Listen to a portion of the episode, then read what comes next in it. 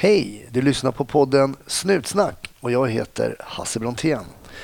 Det är dags för ytterligare ett avsnitt. Min gäst den här gången är min namne Hans, polis i Helsingborg. Smit in och gilla Snutsnack på Facebook. Det tycker jag är väldigt viktigt. Eller följ mig på sociala medier, kanske inte lika viktigt, men kul och eh, lite tramsigt kanske bitvis. Du hittar mig under mitt namn, Hasse Brontén. Jag är på Norra Brunn den 13 december, vilket blir mitt eh, sista klubbgig för säsongen innan det blir lite julledigt. Så befinner du dig i Stockholmsområdet den 13 december, kom gärna till Norra Brunn för lite stand-up comedy. Men nu, eh, wherever you are, som man säger over there, be careful out there. Och ha en trevlig lyssning.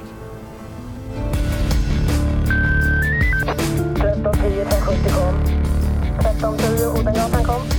Ja, det är uppfattat. Vi tar det. Slut. Bra. Klart slut. Ja, men välkommen till Snutsnack. Min namne Hans. Tack så mycket. Kallas du för Hans eller Ja, Hasse? eller? jag har alltid velat bli kallad för Hans. Sen Ja. händer det att eh, på jobbet eller någon som man inte känner kallar mig för Hasse. Men eh, jag brukar försöka stävja det. Så, eh, så Hans. Ja. Eh, min- mamma är ju tyska så det var nog tänkt att det skulle... Min morfar hette ju då Hans, säger man ju mer i Tyskland. Men det där Hasse var mamma aldrig nöjd med. Hon säger ju såklart Hans. Men då är vi två Hans i alla fall. Mm, So far so per- good. Perfekt. Jo Hans, jag kom ju i kontakt med dig också via Instagramkontot Ingripande poliserna. Mm. Och du är en del där. Ja, det är vi som är eh, turlag 5 Ja, i Helsingborg. i Helsingborg. Eh, Nu heter det ju grupper men vi, eh, vi var... Han som startade det, det hela projektet valde att kalla det för turlag. Mm. Den gamla benämningen. Vad är tanken, tanken kring att ha ett Instagramkonto sådär då? Det är att eh, det finns ju officiella Instagramkonton för polisen nordvästra Skåne och poliser i hela Sverige nu. Vår tanke var att visa just ingripande poliserna från, från vårt perspektiv. Att det inte är, inte är det här officiella kontot där man går ut med information utan att vi, vi kan skriva om våra upplevelser, eh, vad vi gör när vi Mm. jobbar. Och Känner ni att ni har fått någon kontakt med, med medborgarna? Märker ni att det är de som bor i Helsingborg också som följer er? Och får ni kommentarer? Och... Vi, vi, får, eh, vi får fantastiskt bra respons. Det är, det är så mycket direktmeddelande så att eh, som man bara axnar. Eh, och mycket kommentarer eh, på våra inlägg. Och vi försöker skriva det. Dels så försöker ha ren, ren, lite kortare informativa inlägg och sen kanske lite längre där vi berättar om något ärende som vi har varit på. Mm. Försöka beskriva känslan på det här. Eh, hur känner vi? Varför gjorde som vi gjorde? Och det kan kanske bidra lite till att, till att allmänheten förstår lite varför vi gör som vi gör. Mm. Eh, och kan få en inblick i det. För om det står en liten kort artikel i tidningen, ja, polisen var på plats och gjorde det här i samband med, ja, det var bråk. Mm. Då kan vi kanske lägga, då givetvis med att hålla, det, hålla på sekretessen så att det är ingen som ska kunna bli identifierad var, var det här har hänt eller vem som har gjort det. Men utan att vi, eh, vi kan lägga ett, ett lite djupare perspektiv på det. Just det. Så att, eh, och som sagt vi har fått jättebra respons på det och kontot har växt så det knakar. Kul. Och det är det är det som är drivkraften, att vi får den här fina responsen. Att eh, det är därför man vill fortsätta.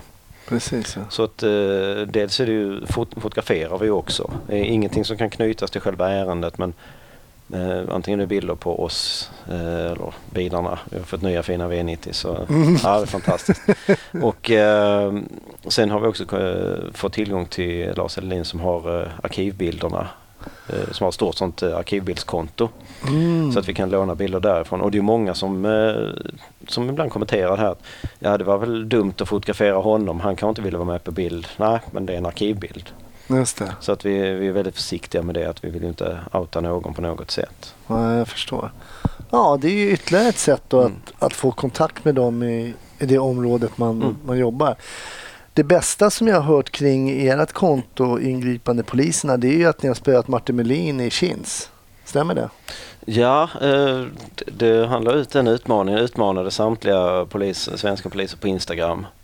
Och eh, han genomförde väl ett antal chins där i, i, iförd utrustning och det väger ju 10-12 kilo extra. Men vi kände att vi måste ju skruva upp tempot lite så vi hängde på oss tungvästarna och eh, gjorde ett antal chins där och passade bara bollen tillbaks till honom. Så eh, det var ett bra initiativ. Det var det. Ja, det gillar jag. Ja, då tycker jag oavsett om du som lyssnare bor i Helsingborg eller inte och är intresserad av, av polisarbete så smitt in på kontot ingripande poliserna.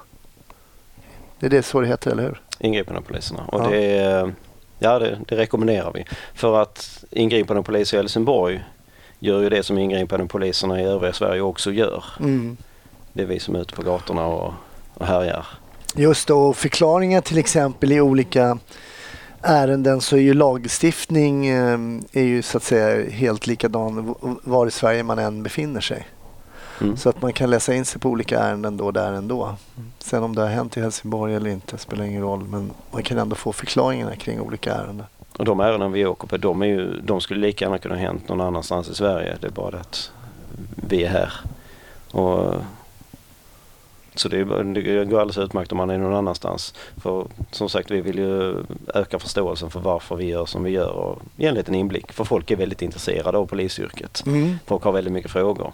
Och kan vi eh, bidra med lite svar där så är, så är mycket vunnet. Mm. Och det är ju det som vi, det som vi är så stolta över att vara just ingripande polisen. För det är, det är det finaste man kan vara. Det var ju det, det, var ju det jag ville bli när jag ville bli polis. Ja. Det ute på gatan i radiobil eller patrullerande. En riktig sheriff alltså. Ja, men li, lite så. Det är, det, det är vi som är först på plats. Det är vi som tar första smällen. Så är det faktiskt. Så är det faktiskt. Det gör ni. Och sen så kan de poliser som behöver komplettera till exempel tekniker, utredare, det tillkommer senare. Men allt Mm. som oftast så är det ju så faktiskt att just ingripande poliserna är först på plats och allt som oftast får ta eh, första stöten. Mm, det, om vi nu tänker på terrordådet i Stockholm så var det ingripande polisen som var först på plats där. Sen anslöt ju alla möjliga. Och det, och det här är inte på något sätt för att eh, racka ner på övriga delar av polisen. För de är fantastiskt duktiga på det de gör. Eh, de som har specialiserat sig. Men eh, som sagt, vi är ju ute och får oftast åka först på det när det händer. Kommer du alltid jobba som ingripande polis tror du? Som det känns nu så ja. Mm. Det gör, och min, min, eh, min ambition det är att jobba i yttre tjänst hela tiden. Mm. Bra Sen- ambition. Sen kanske det blir så att om man fysiskt eh, får, får göra ett annat val. Om tänker om det sliter med treskift och motsvarande. Alternativt om att eh, jag ändå känner att nu vill jag göra någonting annat. Mm. Eh, men som det känns nu och som har känts hela tiden.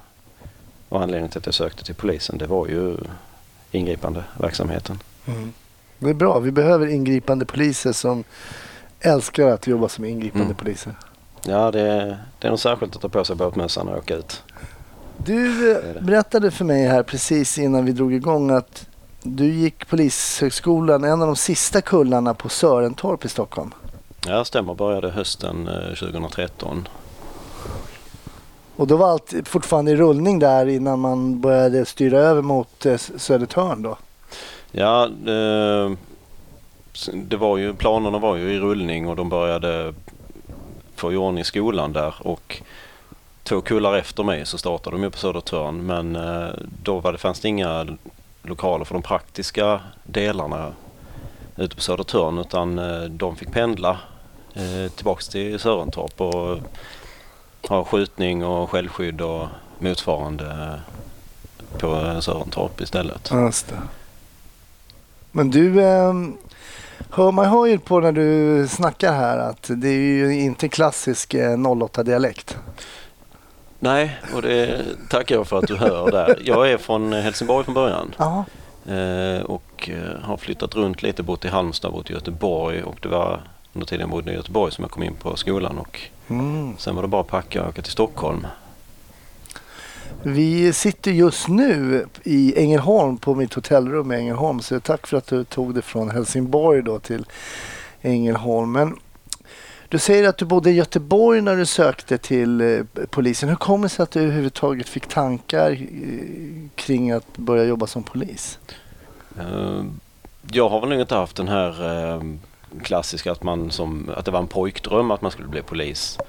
Utan tanken kom väl första gången när jag eh, studerade. Jag studerade till gymnasielärare i Växjö Mm. och började närma mig slutet på den utbildningen och eh, då startade polisutbildningen i Växjö. Och i samband med det så var det en eller två i min klass som hoppade över och började satsa på att läsa till polis istället. Någonstans där såddes väl fröet att jag började fundera på det. Men som sagt, jag var i slutet på lärarutbildningen som är fyra och ett halvt år och då tänkte att nej, jag, det är det här jag ska bli. Jag ska, jag ska gå klart detta.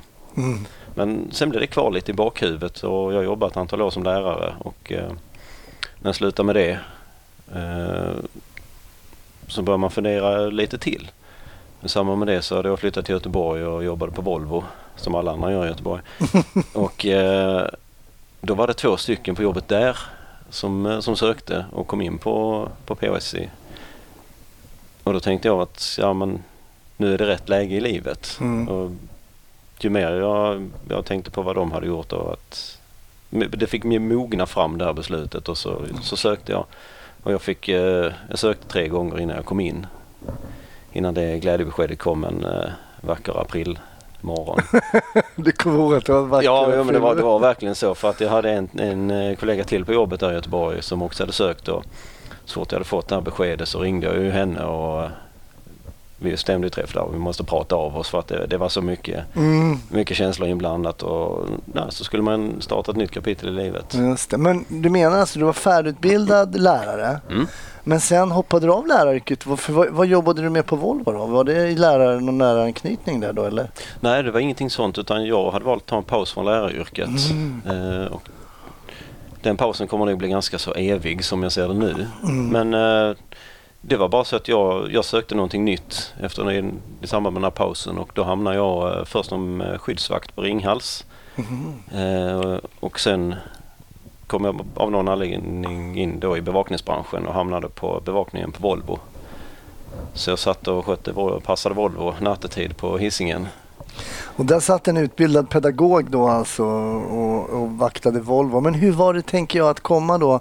Jag tänker du har gått en hel lärarutbildning, du är, du har den pedagogiska utbildningen och så och sen sätta sig på skolbänken igen då för att liksom börja om med en helt ny utbildning. Hur var det?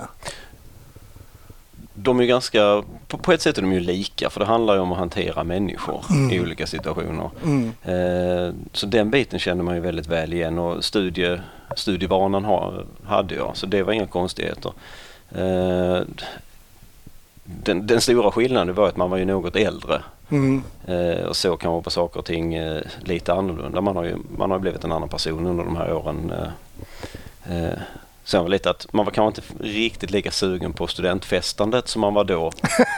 eh, sådär en Det var 10-12 inte- år tidigare. Det, man kunde den biten så då var det där. Då, jag kände jag klarade mig utan delar av det. Vi hade väldigt roligt vi hade en hel del fester. Mm. Hade, ni, hade ni kvar den här puben på skolan? Nej, den var stängd. Eh, Stängd? Ja, och det gick väl lite rykten om varför men det var väl att eh, man hade väl inte riktigt klarat av att sköta sig. Ah. Eh, Det hade kanske varit lite väl mycket alkohol inblandat eh, vid några tillfällen där. Men det är som sagt det är ryktesvägen och det finns säkert någon som har Mm. den sanna historien. Jo, men vi hade väl också några, några, hört några rykten kring att det hade kommit, polisen hade kommit till polisstudenternas eh, pub och så här. Sen vet jag inte hur mycket av det som stämmer, men det, det låter i alla fall mer dramatiskt än att de bara stängde ner den.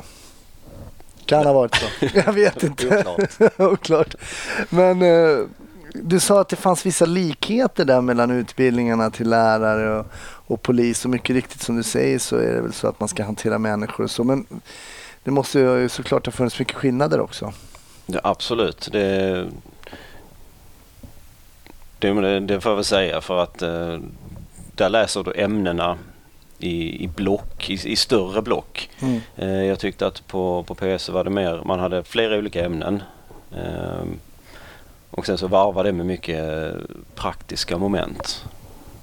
Vilket är väldigt skönt eh, faktiskt för att man det är lätt att man fastnar i skolbänken annars. Mm. Eh, här läste man en termin enbart ämnesstudier. Med, Och då satt man ju visserligen lite praktiska moment eh, som jag läste. Jag är gymnasielärare i biologi och naturkunskap så det var ju kemi och fysik med. Och det är en hel del praktiska moment där också. Mm. I biologin så det är en del exkursioner och liknande. Mm. Men eh, nej, annars så var, blev man ju, det var ju verkligen, ja, om jag får använda uttrycket fackidiot. Man hamnade i, i den här, eh, läste ett jättestort ämnesblock. Just det, jag fattar. Hur tyckte du att det fungerade med de här praktiska bitarna på Polishögskolan? För man läser ju till exempel då, om man börjar med enklare lagstiftning som till exempel polislagen där man får i vissa fall då omhänderta personer som är berusade och i vissa fall får man avvisa och så vidare. Då, där har man, har man ju lite enklare övningar i början. Hur tyckte du att sånt fungerade som ju då var med figuranter och sånt där? Jag tyckte det funkade alldeles utmärkt. Det var väldigt bra uppbyggt. Att, som, man börjar med polislagen och då börjar att läsa en paragraf. Eh, och sen så på ett seminarium så grävde man ner sig. Vad betyder det här egentligen? Den här lagtexten som står där ganska kort. Vad innebär den i praktiken? Mm. Och efter att vi hade gått igenom det så det var det någon form av övning på lagtorget Mm. med detta. Och, Mm. och då om det var en PL13 då, då var det någon av, eh, någon av de eh, bitarna som man skulle använda. Och PL13 kan vi säga för er lyssnare som inte jobbar som poliser då, det är ordningsstörning. Ja. Eh, om någon stör ordningen så kan man ja, be folk att gå därifrån och vill de inte gå därifrån så kan man faktiskt ta tag i dem och flytta på dem. Just det, så då, då gick man helt enkelt från teori till eh, praktik och fick känna på det lite grann. Hur, hur går det att översätta de här övningarna liksom till, eh, till the real thing då när man är ute? Tyckte du att det stämde överens hyfsat med när du kom ut och fick känna på de här grejerna liksom for real? Jag skulle säga att eh, den stora skillnaden där är att hade vi då ett seminarium på en viss paragraf, då var det den paragrafen som gällde. Verkligheten kan ju bli precis vad som helst. Då vet vi inte var vi kan landa i. Utan, eh, så det var väl lite mer eh, begränsat eh, till just den paragrafen när man, eh, när man var på skolan. Mm, mm, Eh, och sen, sen som man har upplevt när jag har pratat med klasskamraterna efteråt, det är ju, skolan är väldigt svart och vit. Det är oftast antingen eller. Mm. Medan det kan bli ganska mycket flytande i, eh, ute, i, ute i verkliga livet. mm, För sa, saker och ting är sällan så svart och vitt som det är. Och så ska det ju vara i början. att det, Man måste ju börja enkelt. mm, mm. Och sen, eh, sen samlar man på sig erfarenhet och så lär man sig att hur ska jag hantera den här situationen som inte är rakt ur textboken som vi hade på skolan. Exakt, och är det någonting vi har lärt oss bara genom att lyssna på, på Snutsnack-podden så är det ju sällan, precis som du säger, att man bara man är på väg någonting, när man till exempel har fått ett jobb via mm, ledningscentralen, så de till och med säger vad du är på väg mot för typ av jobb, så är det ändå inte det jobbet. Och det, Ja. ja du skrattar Ja, men... ja det, för, att, för att jag känner igen det så väl. Att, och det är ju, de baserar ju det på vad säger personen som ringer in. Mm. Om det är personen vi ska ingripa mot eller någon som har observerat någonting. Det behöver inte alls stämma överens med verkligheten. Vi är på väg till saker som har man tror att det här kommer att bli världens jättepjäs. Men sen visar det sig att det är ett missförstånd. Mm. Och då får man ju vara snabb och slå om. Och vä- och växla upp åt båda hållen ibland. Att det här blir mycket allvarligare än vad vi trodde. Eller Just det. det här var ingenting. Precis. Jag kommer ihåg faktiskt, vi gjorde några sådana övningar. Jag jobbade ju själv som lärare på polisskolan där man försökte lura är ju fel ord, men alltså styra studentens tankar åt att nu blir det ett sånt här typ av jobb. Men sen när man kommer fram så är det inte alls ett sånt jobb. Och det, den övningen tror jag är viktig när man kommer ut. För att eh, precis som du säger så måste man hela tiden switcha. Vad är vi på för jobb? Vad är, är det verkligen som det är sagts? Och vad har vi framför oss? Och så vidare. och så vidare. Ehm, Okej då, så polisskolan, eh, inte så mycket festande, men hur trivdes du att gå på, eh, på polisutbildningen som helhet? Jättebra. Jag, Jätte- jag tyckte den var riktigt, riktigt bra. Eh, framförallt man, vi, vi hade en väldigt bra klass. Vi trivdes bra med varandra. Jag tyckte vi hade bra lärare. Eh, och då de förberedde oss på det vi skulle möta när vi kom ut. Mm. Eh, jag tänker då framförallt vår självskyddslärare som, eh, som alltid eh, tryckte på det här att ni, ni ska komma hem hela och rena i slutet av eh, passet. Kanske inte rena men he, så gott som hela i alla fall. Eh, och försökte inte hymla med att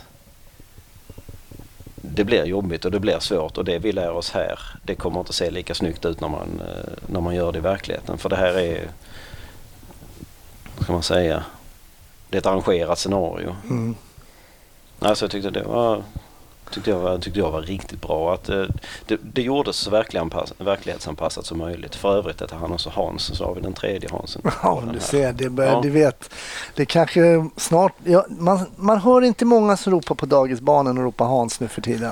Så jag tycker det är tråkigt att inte det har hunnit bli retro än, men allt har sin tid. Det kommer, det kommer. Jag tror det, vi får, får hålla tummarna. När du pratar om självskydd där så är det väl någonting som jag tänkte på som verkligen inte alls blev som man hade övat. Eh, när man stod och skulle göra grepp på varandra in i någon sån här självskyddssal med någon liten matta under och någon viftar med handen precis som man vill. Och så, men det kunde bli... Och det är därför som det kanske också kan se lite hejkon bacon ut ibland på stan när man ska omhänderta eller gripa någon. Att det är inte alltid lätt att få det according to the book liksom. Nej, det, jag har aldrig gjort en eh, snygg gåshals kan vi ju säga. Det är ett grepp som kallas så. Man vrider armen lite och så ska det se ut som en gåshals. Det, det, det är ingen ornitolog som har kommit på det där greppet kan jag säga. Nej. Men, eh, nej, men det, man löser uppgiften Mm. med det man har. Mm. För att eh, även om vi försöker göra det så verklighetsanpassat som möjligt på skolan så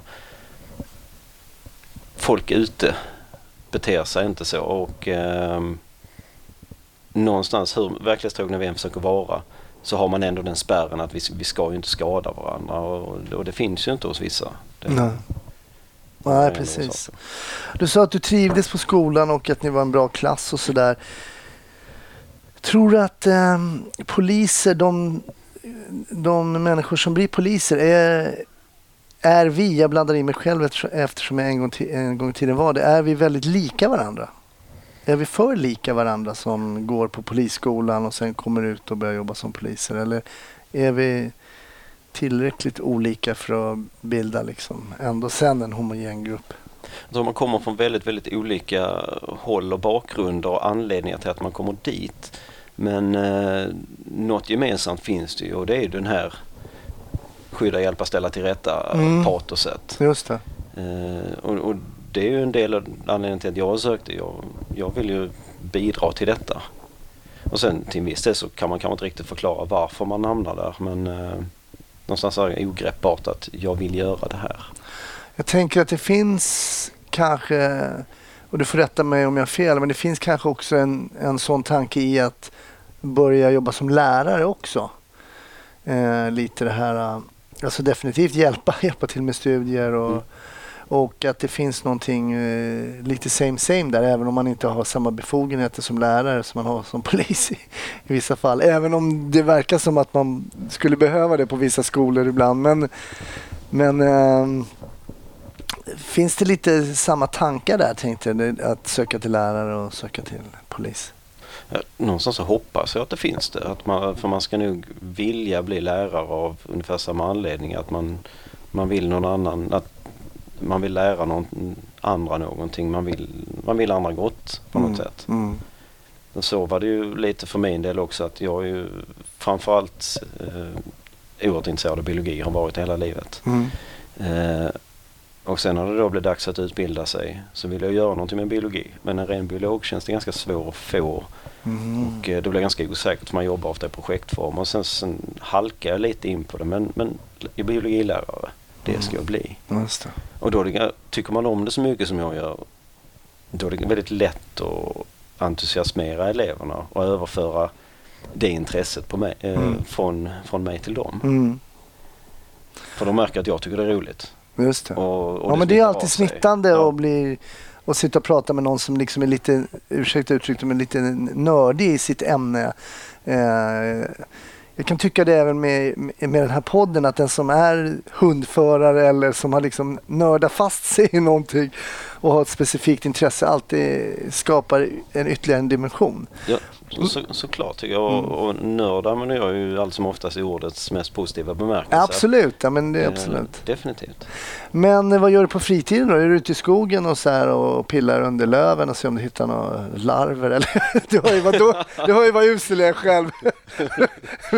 så betong eh. Ja, Nej men alltså jag menar jag tänker på ditt biologiintresse. Vad, har, gör du någonting på fritiden som har med det att göra? jo men absolut. Jag, Mm. jag försöker vara ute och skåda lite fågel och Mm. eftersom eh, jag bor på landet så Ja. då har man ju nä, nära kontakt till det. Och Mm. Någonstans så tror jag man har med sig den här blicken att gå ut i skogen. Så jag vill tro att jag ser mer än, ju mer man vet desto mer ser man. Mm. Och då kan man också lägga märke till att aha, det ser ut på den här platsen som det gör på grund av att Mm. eh, de, de förutsättningarna som finns här. Och således så finns de här djuren här och de växterna. Mm. Och det kan man tänka lite mer på om man eh, har grävt ner sig lite i det. Än att ja, det är grönt när jag gick ut. Så kan man istället plocka ut med de individuella arterna. Det, det. så, så det finns definitivt. Så det är ett fritidsintresse fortfarande, biologin? Absolut, och, och har alltid varit. Mm. Men det där, jag tror alla har vi haft den där kompisen som eh, kom hem med burkar med en massa djur i. Och, var du den Det killen? var jag. Det var du? Det var jag. Ja. Eh, Som vågade hålla i spindlar och sådana grejer. Precis, det var ju också, ja, till min mors stora förtjusning så kom ju massa sånt med hem. Ja, ja. Eh, Men hon satte sig emot allt, allt vad kryp och sånt hette vad det gäller alltså, större spindlar och ormar och sånt där. Så att det var först när jag flyttade hemifrån som jag lyckades, eh, lyckades med sånt. ja okej. Fick inte ta hem det tidigare eller? Nej, eh, det var väl inte jättepopulärt och sådär. Men eh, jag, har, jag har en spindel hemma nu. Så att, Alltså du har ja, det? Ja, En sån stor luden eller? ja, precis. Shit alltså. vad gör, vad, hur matar, vad matar du den med då? Hon äter kackerlackor. Jaha, men det låter och för sig helt okej. alltså för oss som man blir av med kackerlackor då. Ja, men de får man ju gå och köpa så odlar den själv. Den är faktiskt, eh, hon är faktiskt köpt här i Ängelholm, ungefär 200 meter bort från hotellet för 14 år sedan. Så det, Vad är det för art då? Eller vad kallar man det? Ras? Eh, art skulle jag säga. Art.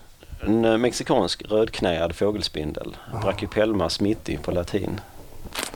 Tänker alltså, hör ni det lyssnare? Att det finns alltså poliser som, som är intresserade av, av det här. Det, det, det här visar ju på, på bredden i svensk polis. Men när du är färdig med din polisutbildning. Du säger att du sökte när du bodde i Göteborg. Nu så bor, vet jag om att du bor i Helsingborg. Men var ville du jobba som polis någonstans?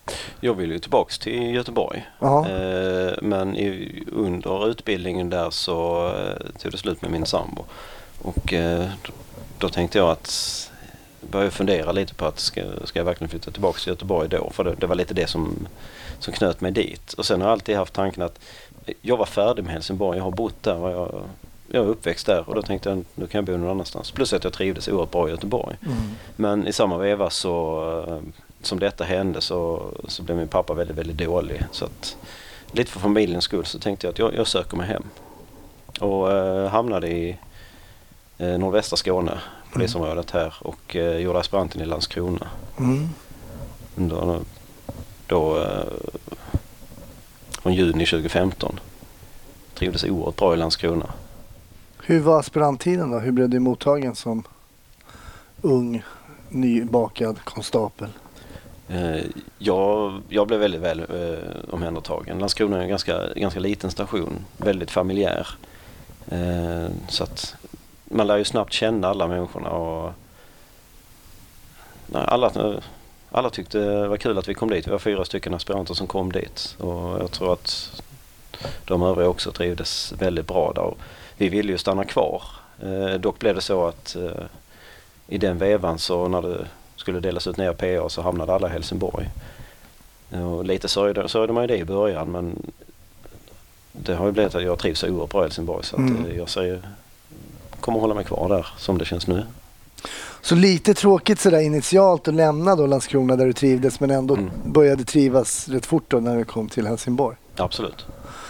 Ja, men det, det är väl sådär. Man lämnar någonting och, känner, och sen så är man eh, så pass formbar och, och sen kanske det här att man är ny i yrket och mottaglig för det här nya. Och det kan ju vara det också. Mm. Men då kom du alltså på, um, på ingripande polisen om man säger så, och började jobba ute i uniform då? Precis. Jag hann ju göra ungefär tio pass eh, på IGVn i Helsingborg och sen drog den här eh, nationella kommenderingen Alma igång i samband med flyktingmottagandet eh, nere i Malmö. Just Så då blev det väldigt många pass där och eh, Mm. sen så införde man ju gränskontroll och eh, då hamnade vi primärt i Helsingborg. Och sen eh, eh, när de här tre månaderna ungefär som, eh, som den här andra kommenderingen varade, sen gi- övergick den till eh, en gränskommendering. Så vi gjorde ytterligare sex månader där. Okej. då var vi i stort sett alltid i Helsingborg. Om man tittar på, um, om man tittar på den stora invandringen som har kommit då. Var det främst via Malmö eller hur mycket kom då eh, via Helsingborg? Då måste man ju i Danmark också. Det kanske inte kom så mycket folk alls där eller? Det, det stora massan eh, kom ju via, kom via Malmö. Mm. Eh, och sen, eh, sen, sen lugnade det ner sig något i samband med att eh, framförallt att Danmark införde de här ID-kontrollerna för många hade ju blivit av med sina ID-handlingar Mm. och kom inte, kom inte vidare från Danmark. Okej. Eh, utan då fick de göra lösningen att man, man smugglade sig ombord på bilar och eh, under lastbilar eller bara helt sonika klättra över stängslet och hoppa ombord på båten och sen försökte springa i land.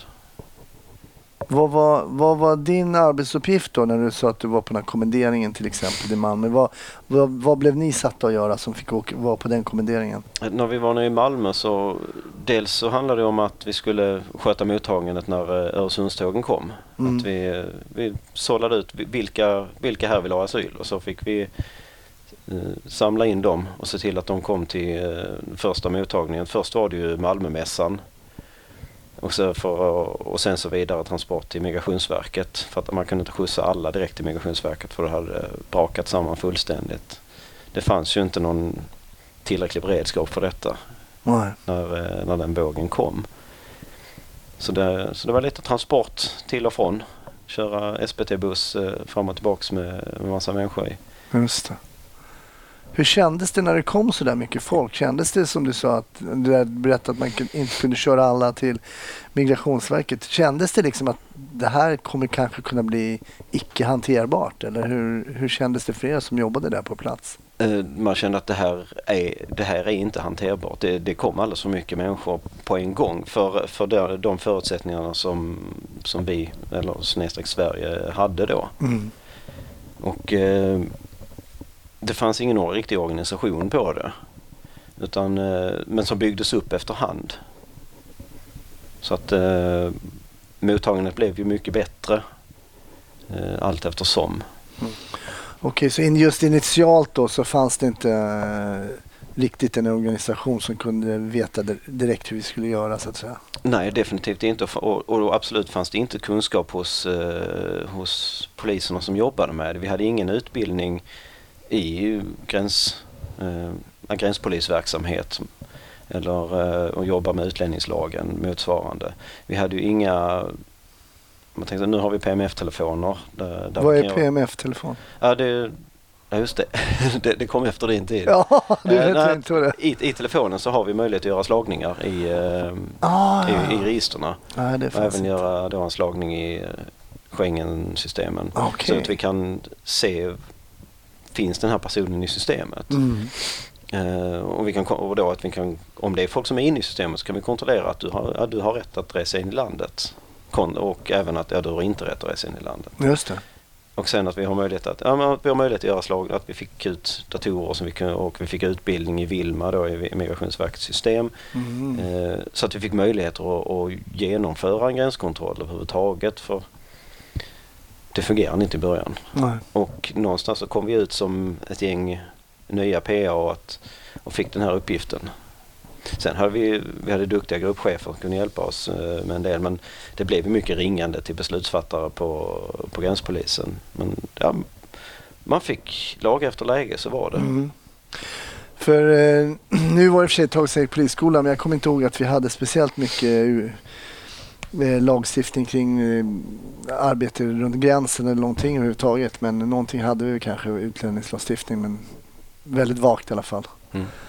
Så det blev du inkastad i kan man säga ganska snabbt då egentligen. Ja, eh, så att samtliga nya PA i, eh, i, då i polisområdet eh, nordväst eh, hamnade ju där och Mm. gjorde, si, gjorde sin tid där. Då del, och delvis förstärkt med frivilliga och eh, andra inkommenderade. Mm. Och sen, så har det varit sen dess att man har kört en, ett halvår i stöten med nya människor som kommer in på kommenderingen. Och det är ju ganska dumt för att då får du var sjätte månad så, så byter du ut all personalen. Minus några gruppchefer och några som stannar kvar. Just det, just det, just det. Så du får aldrig riktigt en kontinuitet utan det börjar om på noll egentligen då med människor som inte har gjort det kanske. Ja. Ja.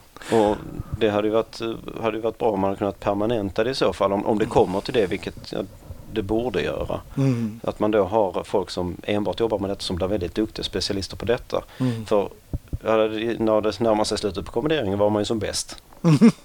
Och då var det dags att byta ut och så kommer det in ett helt nytt gäng som ska lära sig om det här. Just det. Mm. Jag förstår, det är ett problem alltså. Man ska byta av hela tiden var sjätte månad. Men det jobbar du inte med idag? Nej, jag är på ingripandeverksamheten i Helsingborg. Mm.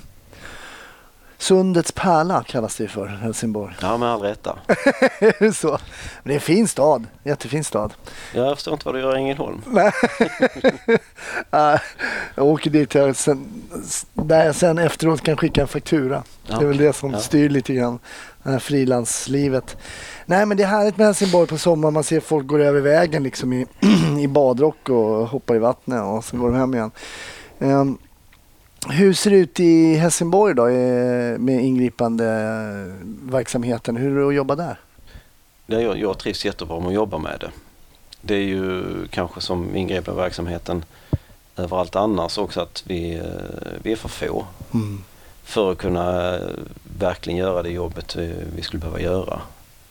Det blir tyvärr lite att man, man får släcka lite bränder. Eh, och eh, jag tänkte på det senast när vi, vi hade en SAO med i bilen och en SAO är då en polisstudent som gör praktik. Just det. En vecka Eh, eller något sånt där till de är ute eller? Ja, någonting sånt. Mm. Och eh, man får då frågan att ja, hur, hur arbetar ni brottsförebyggande? Mm. Och det blir ju mån av tid men den tiden finns tyvärr allt för sällan. Mm. För att eh, vi, vi studsar från ärende till ärende. Vi är ju styrda av, eh, av larmcentralen. Att, Mm. Och det är intressant var jag än har varit och pratat med, med poliser om det så har varit i Haparanda eller någon annanstans så är ju det genomgående. Vi är för få. Vi är för få och räcker inte riktigt till. Men den känslan då att, att känna att vi är för få. Eh, hur är den känslan egentligen? ja, den är inte rolig. Jag, man vill ju kunna så att säga titta medborgarna i ögonen och säga att vi gör allt vi kan. Och, och, och det gör vi verkligen. Och jag tänker att där är ju tre polisens värdegrund. Eh, eh, tillgängliga, effektiva och engagerade. Mm. Och engagerade är vi. Och tyvärr är det tillgängligheten det faller på. Mm. Eh, sen effektiviteten kan man ju alltid bli bättre på. Det är alltid någonting man kan fila på. Mm. Ja, vi får väl se. Nu verkar det inte vara som att det sticks till så himla mycket pengar ändå. Då. Det var mycket snack om det innan valet att det skulle bli mycket pengar och mer poliser och sådär. Men det verkar inte bli så mycket till det.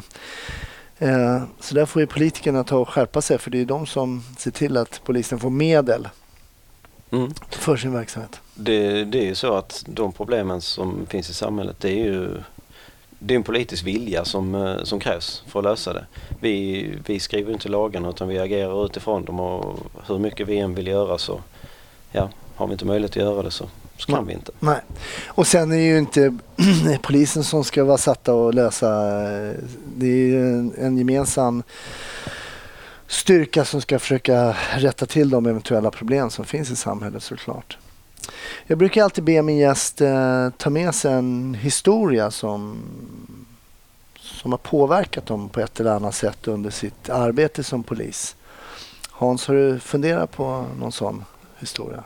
Ja, det har jag gjort. Jag, jag har gått igenom ett antal i huvudet och tänkte att vilken är bäst? Men så tänkte jag kanske inte att ja, vilken är bäst utan snarare som du säger, vilken har påverkat? Mm.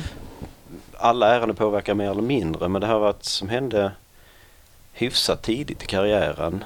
Eh, det är att vi, vi har jobbat natt Mm. och det börjar närma sig sluttid och man eh, det är nästan att man sitter och väntar in sluttiden lite. Väntar på den där obligatoriska trafikolyckan som kommer 20, 20 minuter innan man ska sluta. Så att så garanterat blir övertid. Eh, Men eh, Vad är det för årstid här nu då? När... det här är vår sommar. Mm. Och eh, ja, det går ut ett ärende. Det är en, det är en person som lever om på ett missbrukarboende här i Helsingborg. Mm. Så att vi åker ner, jag och en kollega och turlaget och eh, vi får med oss en patrull till. Eh, så vi kör ner där. Eh, vi vet precis, det är ganska ofta man är där för det, det är mer eller mindre problem där. Men här är det då en, en kvinna som är, som är galen. Mm. När du säger galen då, på vilket sätt? hon- att hon, hon lever om och högljudd och kastar saker och hon är upprörd. Mm. Eh, oklart på vad, så personalen har ju kontaktat oss. Så vi kommer fram till platsen och börjar fundera på vad, vad är det egentligen vi har här? Eh, är det bara någon som är lite stökig? Är det någon som är, kommer att bli våldsam? Eh, och den andra patrullen som är med oss är från ett annat tullag och vi har inte, vi har inte jobbat tillsammans innan. Det, jag vet vem de är och, men vi har inte jobbat tillsammans.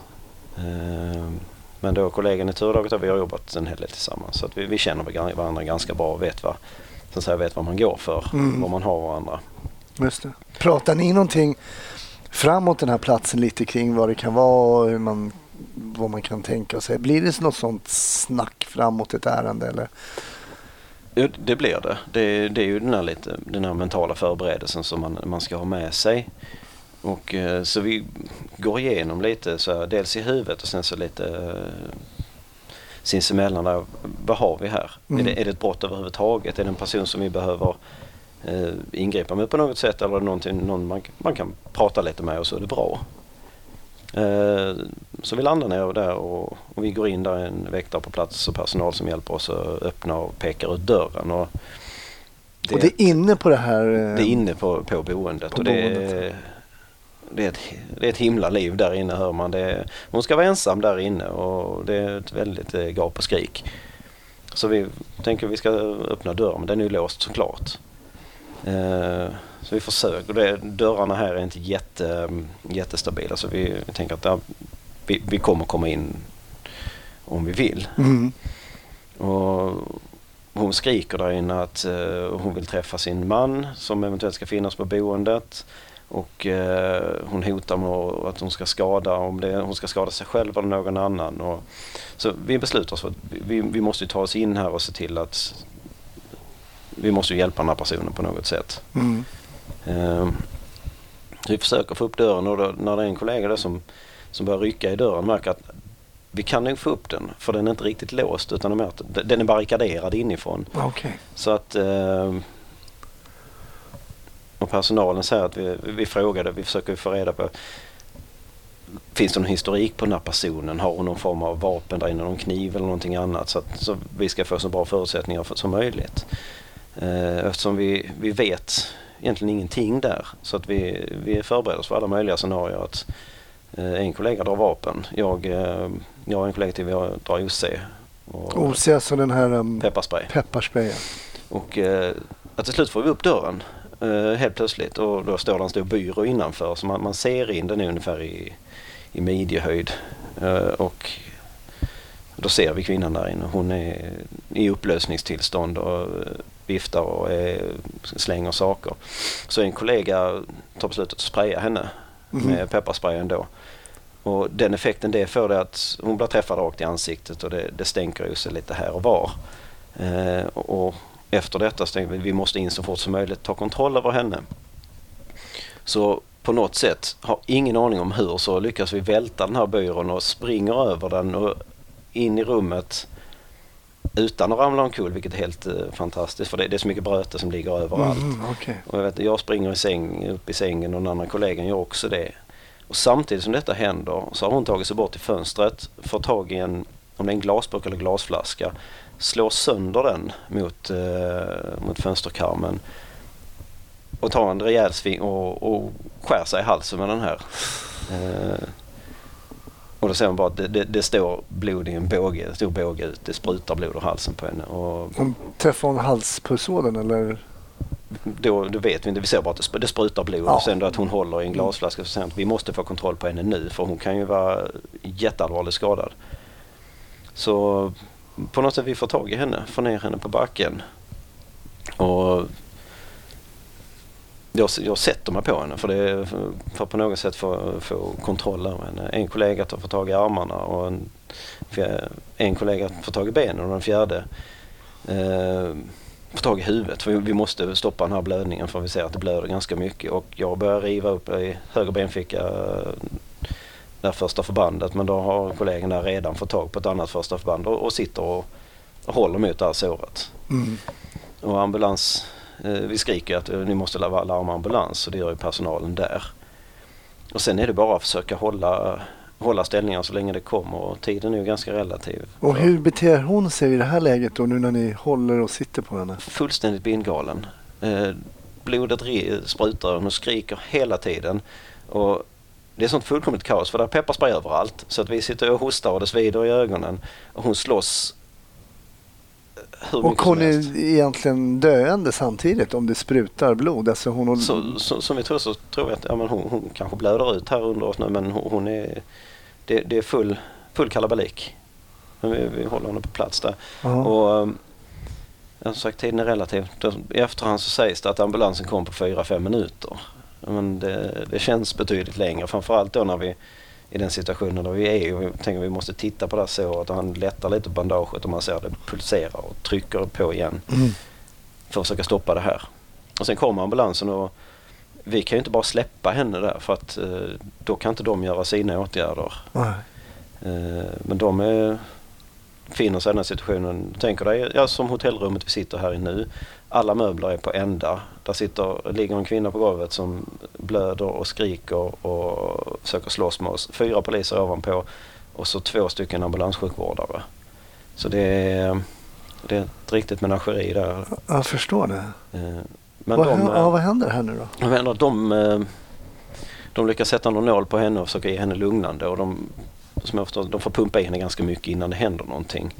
Och sen eh, övertar de det här eh, tryckförbandet på halsen och de packar på mer och sen är det bara så fort som möjligt få iväg henne till sjukhuset. Och, så det går från ganska lugnt till fullständig kalabalik i en tio minuter ungefär.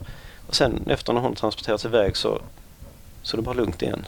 Och det, det är någonstans lite ödsligt för då blir, helt plötsligt blir det väldigt lugnt. Och, och då börjar man tänka på det här Gud vad det svider i halsen och den här pepparsprayen har ont i ögonen. Det, det är blod överallt på händer och uniformer och sådär. Ja. Och sen eh, börjar vi känna över varandra.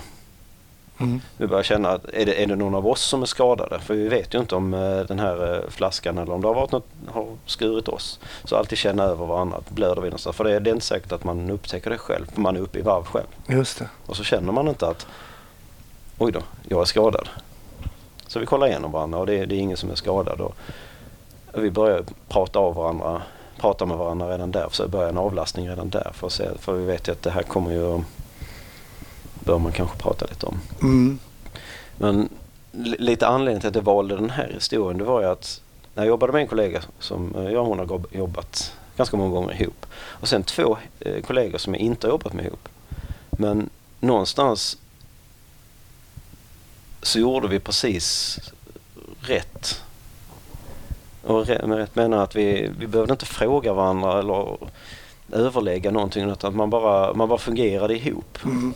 Och det är baserat på att ja, men vi, har en, vi har en bra utbildning. Vi har eh, varierande antal tjänsteår att luta oss på. Och det var ju inte ett ingripande som i snygghetsgrad hade gått till historien men vi löste uppgiften. Och vi gjorde det tillsammans även om vi inte hade jobbat så mycket tillsammans. Så fungerade det väldigt bra ihop. Jag tänker den kritiska lyssnaren här då, som jag ska försöka vara här lite djävulens advokat här då. då. Eh, jag har varit med om ett liknande fall som slutade i, i nästan, det blev ingen, ingen knivskärning på sig själv och sådär. Men för anledningen till att ni ingriper här, hon säger att hon vill träffa sin man och om hon inte ska få göra det så kommer hon ett, alltså skada sig själv eller försöka skada någon annan. Mm, stämmer. Så egentligen, vad är eh, er anledning till för att gå in då först? Är det för att hon inte ska skada sig själv då? Ja, för att eftersom hon är själv i rummet så där kan hon inte skada någon annan. Nej. Men vi vill ju heller inte stå utanför och vänta på och sen öppna dörren tio minuter senare och så har hon tagit sig själv av dagar. Precis, ja, jag Och- förstår. Och någonstans jag, jag tänkte nästan lite på att kommer den frågan, kunde ni inte bara ha väntat? Mm. Nej men Och jag- precis. Och jag, jag, tror att den frågan ändå kan Ja. vara en adekvat fråga. och, och kan, liksom. kan, Och- kanske hade det varit, fungerat alldeles utmärkt. Mm. Men lite efter devisen att hellre en halvbra lösning nu än en jättebra lösning om en timme. Det är bättre att vi gör någonting och att vi får ett eh, resultat. Och, men att vi, vi hade avvaktat och så hade hon skadat sig själv där inne.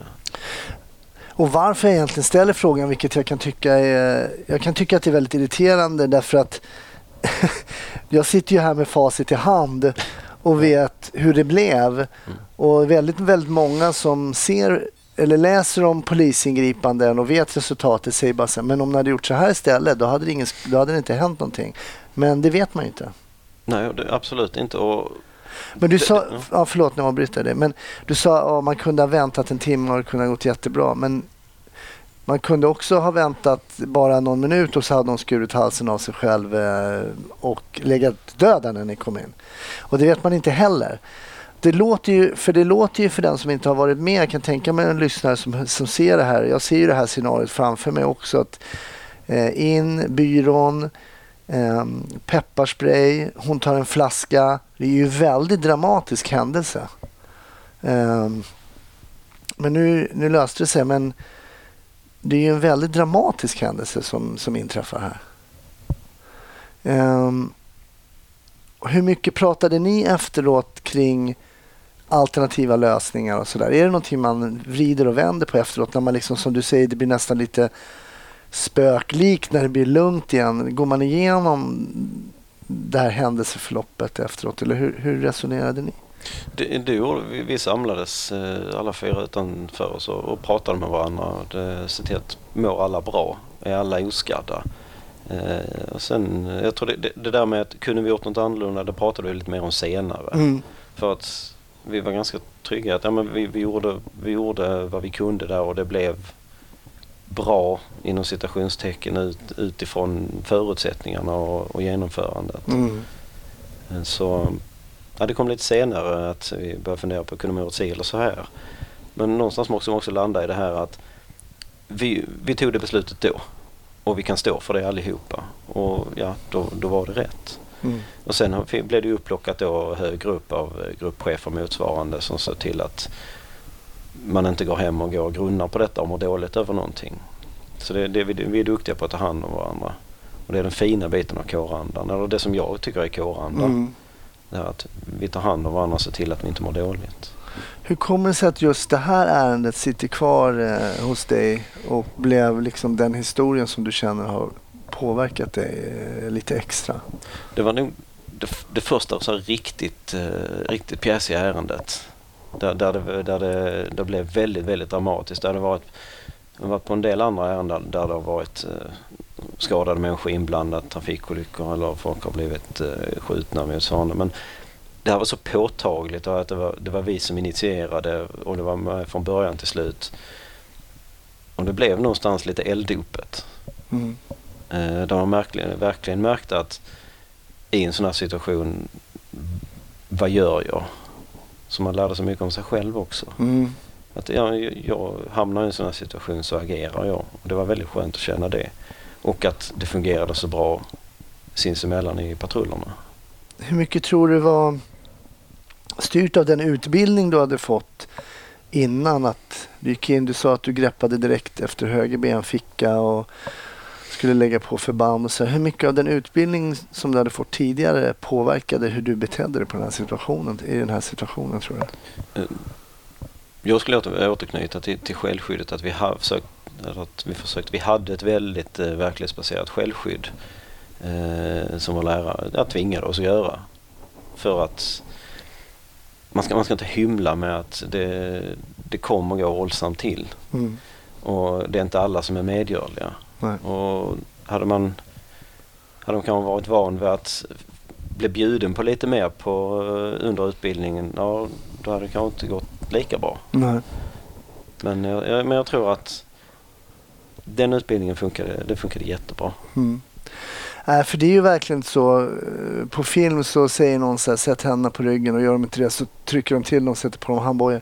Det ser ju smidigt ut. Eh, Men det är ju sällan så smidigt om någon inte vill vara med. Mm. Så är det ju väldigt svårt att få en person under kontroll. Om man är två också är det väldigt svårt. Och är det en fullvuxen stark man så är det väldigt, väldigt svårt. Så det krävs eh, sina tekniker. Ja, och då får man använda de av eh, RPS godkända teknikerna. Men eh, sen fungerar inte det så ja, men då, får man ju lag efter läge. Det blir ju, Mm. man får improvisera helt enkelt. Mm. Fick du någon information sen eh, kring, något mer kring den här kvinnan som ni hade ingripit mot? Hur det gick och så vidare? Mm. Det, och det var nog lite tur för att en av ambulanssjukvårdarna och vi tränar på samma gym. Eh, och vi känner varandra sedan innan så att eh, vi, vi pratade om detta ärendet. Eh, och han berättade att hon klarar sig. Hon hade varit och skrapat på eh, halspulsådern Okej. men den hade inte gått sönder. Mm. Så hade det gjort det så hade det, hade det nog inte gått så bra. Mm. Men det var att hon var så fruktansvärt uppe i varv och det kämpade så mycket så att då, av den anledningen så pulserade blodet ut. Mm. Eh, sen var man väldigt nöjd med att hur vi löste uppgiften. Det är att vi snabbt på med tryckförband på halsen. Eh, det går inte att linda om för då stryper man patienten utan Mm. att verkligen sitta och trycka, trycka, trycka. Bara hålla det hela tiden. Fram tills att hon kom. Och det var det som gjorde att, eh, att det gick som det gick. Jag tänker eh, ambulanssjukvården berättar här för dig att hon hade varit och rispat på halspulsådern. Mm. Om hon nu hade kommit åt den och kanske avlidit på plats, hur, har du funderat lite kring vad var tankarna hade gått iväg då om hon hade liksom dött där på plats framför det? Gar- lite att fundera på det men lite så här som jag sitter, man sitter med facit i hand. Jag vet att det blev inte så. Mm. Och om inte om hade funnits så ja. Jag tycker inte man ska gräva ner sig i det här. Tänk om detta hade hänt. Nej. Eh, däremot så vid ett mot, något liknande ingripande i framtiden så kommer man ju kanske ha det med det här och ha, ha med sig det här i, i huvudet. Mm. Men eh, och gå och tänka på att det, om det hade gått åt helsike, vad, vad hade vi gjort då? Det, det är viktigt att ha det, ha det med sig någonstans i bakhuvudet men Mm. men inte gå och tänka för mycket på det. Nej. För då kommer man göra så med alla ärenden och då, någonstans tror jag att då kommer man inte våga göra någon ingripande av rädsla för att det kanske går riktigt illa. Just det.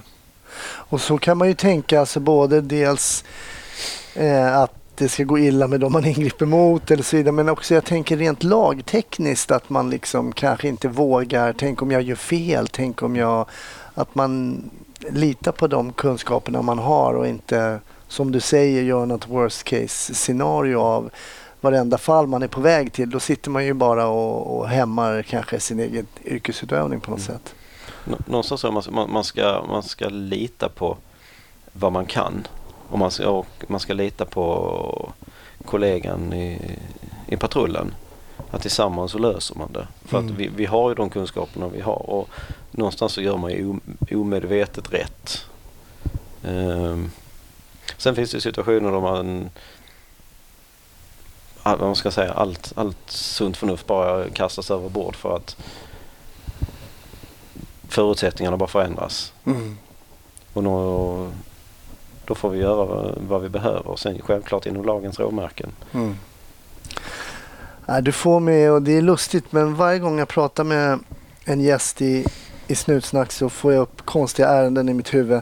Jag var en gång tillsammans med Snutsnacks första gäst, eh, Anders, på ett liknande ärende på Kungsklippan i Stockholm. Då var det en man som var skrek och in i sin lägenhet.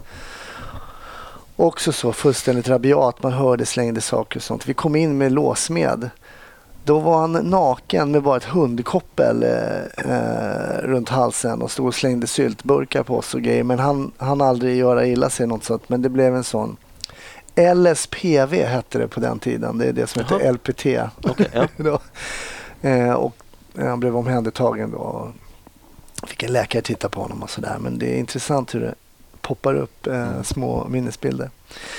Men vi vet ju nu att biologi är ett stort intresse men ehm, vi har, brukar alltid runda av podden med att prata lite om ehm, andra fritidssysslor, nämligen film och tv, tv-serier och kanske till och med polis. Eh, ja. eh.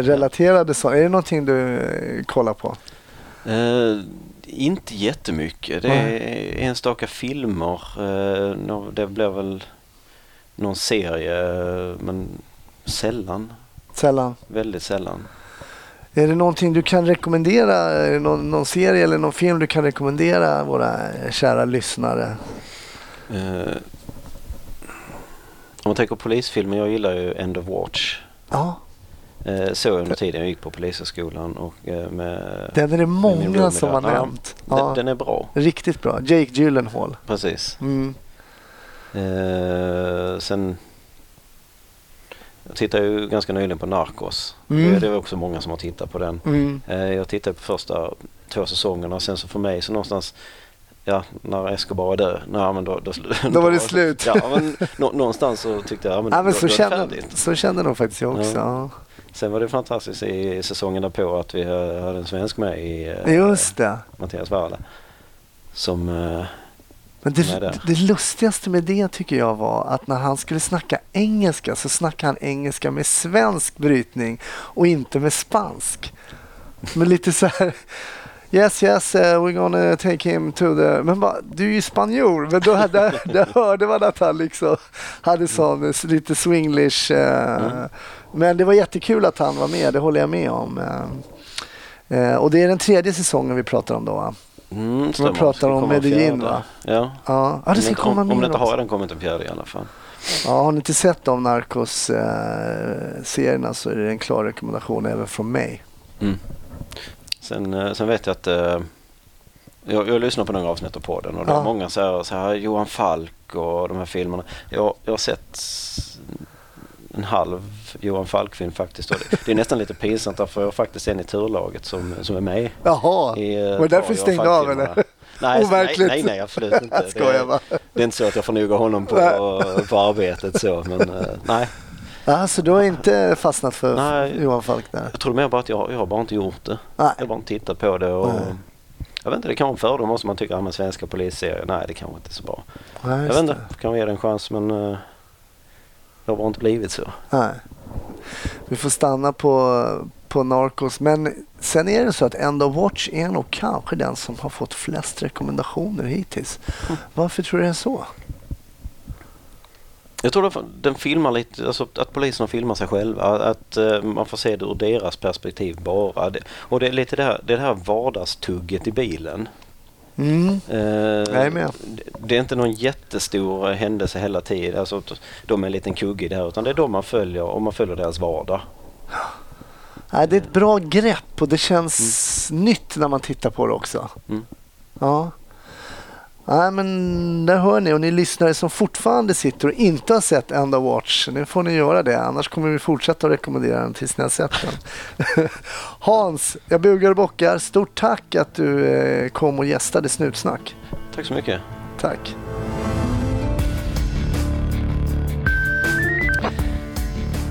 Tack för att du har lyssnat på ytterligare ett avsnitt av podden Snutsnack med mig Hasse Brontén. Glöm inte att vi finns på Facebook och glöm inte att följa mig på sociala medier under mitt namn Hasse Brontén. Ha en fantastisk vecka så tycker jag att vi hörs i nästa också. Ha det fint. Hej.